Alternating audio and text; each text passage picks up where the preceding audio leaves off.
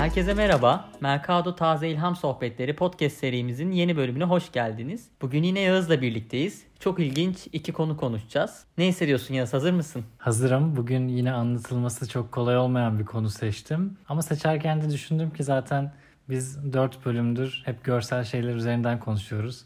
Bunu anlatmak ne kadar kolaydı ki bu daha zor olsun diye düşündüm ve bu konudan vazgeçmedim. Bugün size ses enstalasyonlarından bahsedeceğim. Hep bugüne kadar görsel ağırlıklı içeriklerden bahsetmiştik. Bugün ilk kez işitsel bir konuya gireceksin. Merakla bekliyorum seni. Evet, deneyim bir bütündür. Tüm duyulara hitap eden bir bütündür. Bunu göz önünde bulundurarak şimdi anlatacağım konuya girebilirim. Size ses enstalasyonu denildiğinde dünyada ilk akla gelen isimlerden birinden bahsedeceğim. Bahsedeceğim kişi Zimon. Ee, Zimon İsviçre'nin Bern kentinde yaşayan bir ses tasarımcısı. Ama aslında hiç sanatsal bir geçmişi olmayan bir isim.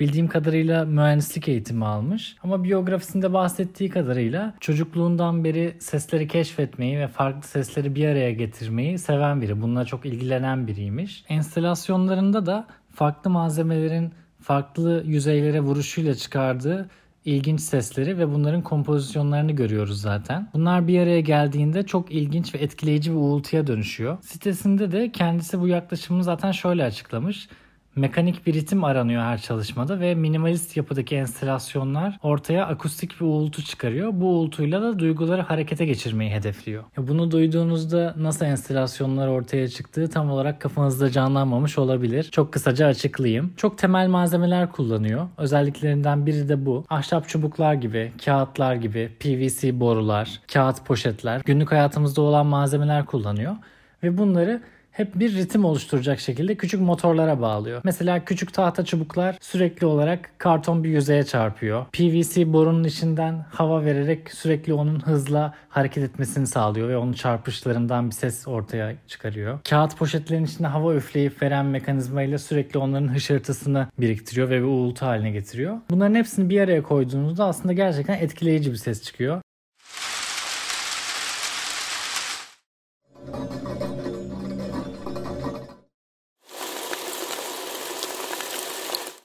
Enstalasyonların görselleri de çok etkileyici. Mekansal çalışmalar hepsi. Görsellerini de mutlaka göz atın derim. Eğer şu an Spotify mobilden dinliyorsanız açıklama kısmındaki linke tıklayarak görsellere ulaşabilirsiniz. Bu sesleri nasıl duydunuz aslında çok merak ediyorum. Neler çağrıştırdı size? Ee, sanatçının yani Zimo'nun aslında bu seslerle size çağrıştırmak istediği bir konsept var. Bu da doğa. Doğadaki sesleri taklit ediyor aslında. Tam olarak taklit etmek denmese de aslında onları çağrışımlı yapmak, sizi doğal bir referans vermek, bir şelale, rüzgar uğultusu, dalga sesi gibi seslere referans vermek ve bu duyguları sizde tekrardan yaşatmak istiyor. Aynı zamanda dediğim gibi görsellerine de mutlaka bakın. Çünkü bazı çalışmaların görsellerinde de doğaya referanslar var. Mesela metal disklerden oluşan bir enstalasyon var.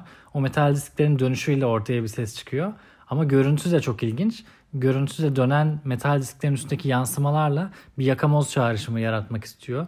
Büyük bir yüzeyde yapmış bunu zaten deniz gibi. Çok güzel bir yansıması var. Oradan da bir yakamoz çağrışımı yaptırmak istiyor. Siz de bu şekilde görecek misiniz merak ediyorum. O yüzden bence mutlaka görsellere göz atın. Bu arada bir tane çalışması sanırım Borusan'daydı değil mi? Doğru evet. Eğer ziyaret ettiyseniz Borusan Contemporary'de Pereli Köşk binasında Zimon'un bir çalışması var. Ses enstalasyonu orada da var. Yaz bugün bambaşka çok ilginç bir konudan bahsedeceğim. Ses enstalasyonlarının üstüne biraz ters köşe yapalım. Bugün virtual yani sanal influencer kavramından bahsetmek istiyorum biraz. Bunun üzerine konuşalım. Öncelikle virtual influencer nedir? Bilmeyen çoğunluktadır diye düşünüyorum. Ya Türkiye'de çok bilinen bir kavram değil aslında. Ancak 2020 yılının başlarında özellikle de uzak doğuda başlayan bir trend bu ve tüm dünyayı da çok kısa sürede etkisi altına aldı bu teknolojik gelişme. Bana kalırsa biraz da ürkütücü. Artık tabii tüm yeni teknolojik gelişmelere ürkütücü demeye başladık ama gerçekten öyle. Bu virtual influencer'lar tamamen bilgisayarlar tarafından oluşturulmuş sanal karakterler. Avatar da diyebiliriz. Bayağı normal insan karakterleri ancak tamamen sanallar. İşin ürkütücü tarafı da bu karakterlerin kendilerine ait bir kimlikleri olması. Yani legal bir devlet kimliği değil ama isimleri var, karakteristik özellikleri var ve hatta sosyal medya hesapları var ve de ciddi aktif kullanıyorlar bu hesapları. Paylaşım yapıyorlar, story atıyorlar. İnsan görünümlü, görsel olarak müthiş tasarlanmış karakterler bunlar.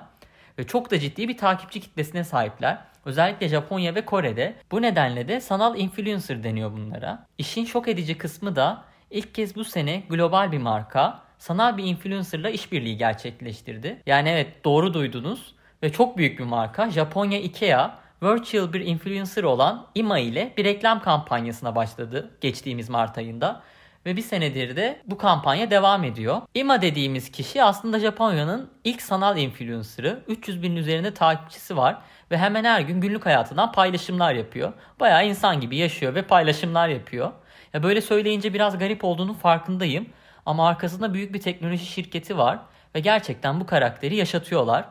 Aynı zamanda Ima'nın globalde birlikte çalıştığı bir influencer ajansı var ve markalarla işbirliği gerçekleştiriyor.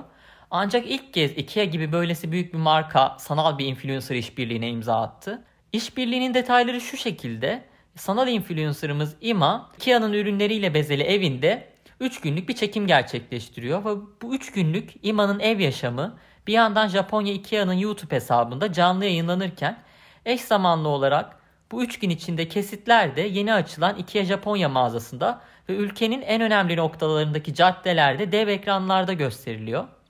Aslında tam karantina döneminde olduğu için bu karakter evde ve adeta canlı yayın açıp günlük rutinini bizlere teşhir ediyor. Hani e, birçok yönden de tartışmaya açık bir kampanya aslında. Karakterin sanal olmasını vesaire geçtim. Bir de kendi ev yaşamını tamamen teşhir etmesiyle normalde hiçbir insanın yapmayacağı bir kampanya aslında ve bunu sanal bir karaktere yaptırıyorlar. Yani çok ilginç bir işbirliği. Kampanyanın her noktası tartışmalı ancak dünya genelinde çok ses getiren bir iş tahmin edersin ki sen de. Ya sanki bu karakter gerçek ünlü bir insanmış gibi yaşatılıyor ve çok ciddi paralarla da markalar işbirliği yapıyor. Yani artık bu noktada Black Mirror bile az kalıyor diyebiliriz. Sen ne düşünüyorsun? Evet gerçekten ilginç ve düşündürücü bir konu. Yani sen anlatırken de şöyle şeyler belirdi kafamda. Aslında bu influencer'ın gerçek bir insan olmasındansa sanal bir insan olması etik olarak veya kişilik hakları olarak bir insana yaptıramayacağın şeyleri bu influencer'a yaptırabilirsin demek oluyor. İki örneği aslında böyle bir örnek. Evet normalde kimse evini öyle bir teşhir etmez ama tamamen sanal bir karakter yaratıp onu yaşatıp normalde kimsenin kabul etmeyeceği bir işbirliği yapabiliyorsun.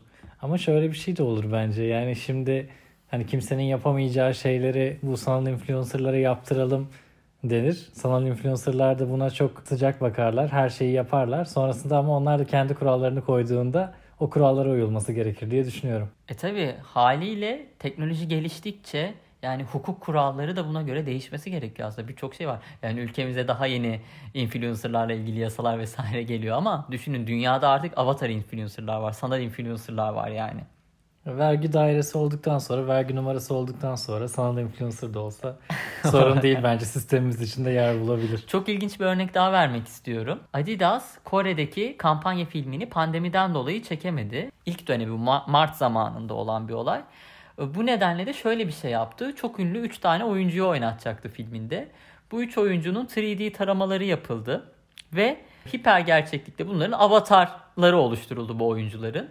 Ve işin ilginç tarafı ee, Adidas bu filmde bu avatarları oynattı. Bu ünlü kişilerin. Ama şöyle bir handikap var. Bu ünlüler sadece yüzlerini verdi ve sadece evlerinde oturdular. Gerisini Adidas çekti ve gerçekten hiper gerçekçi bir video çektiler. Cool bir iş. Ama tabii şöyle bir korkutucu yanı da var yani artık sanal bir dünya gerçeğe dönüyor. Sizin sanal bir versiyonunuz var ve siz artık evinizdeyken sizin için film çekiliyor. Çok ilginç bir konu yani. Rahmetli Kemal Sunal'ın reklam filmi geldi aklıma sen bunu deyince. Ziraat Bankası'nın evet. yaptığı. O da bir skandal bence. Şöyle bir skandal yani ölmüş birinin sanal karakterini yaratıp ki o ölmüş kişinin hakkı ailesinde bile olsa ki öyle bir şey olmaması gerekiyor. Yani öyle bir saçma bir durum evet, bence. Yani hak devri diye bir şey olmuyor bence insan öldükten sonra evet, ama yani maalesef. onun rızası olmadan onu bir filmde oynatıyorsunuz reklam filminde.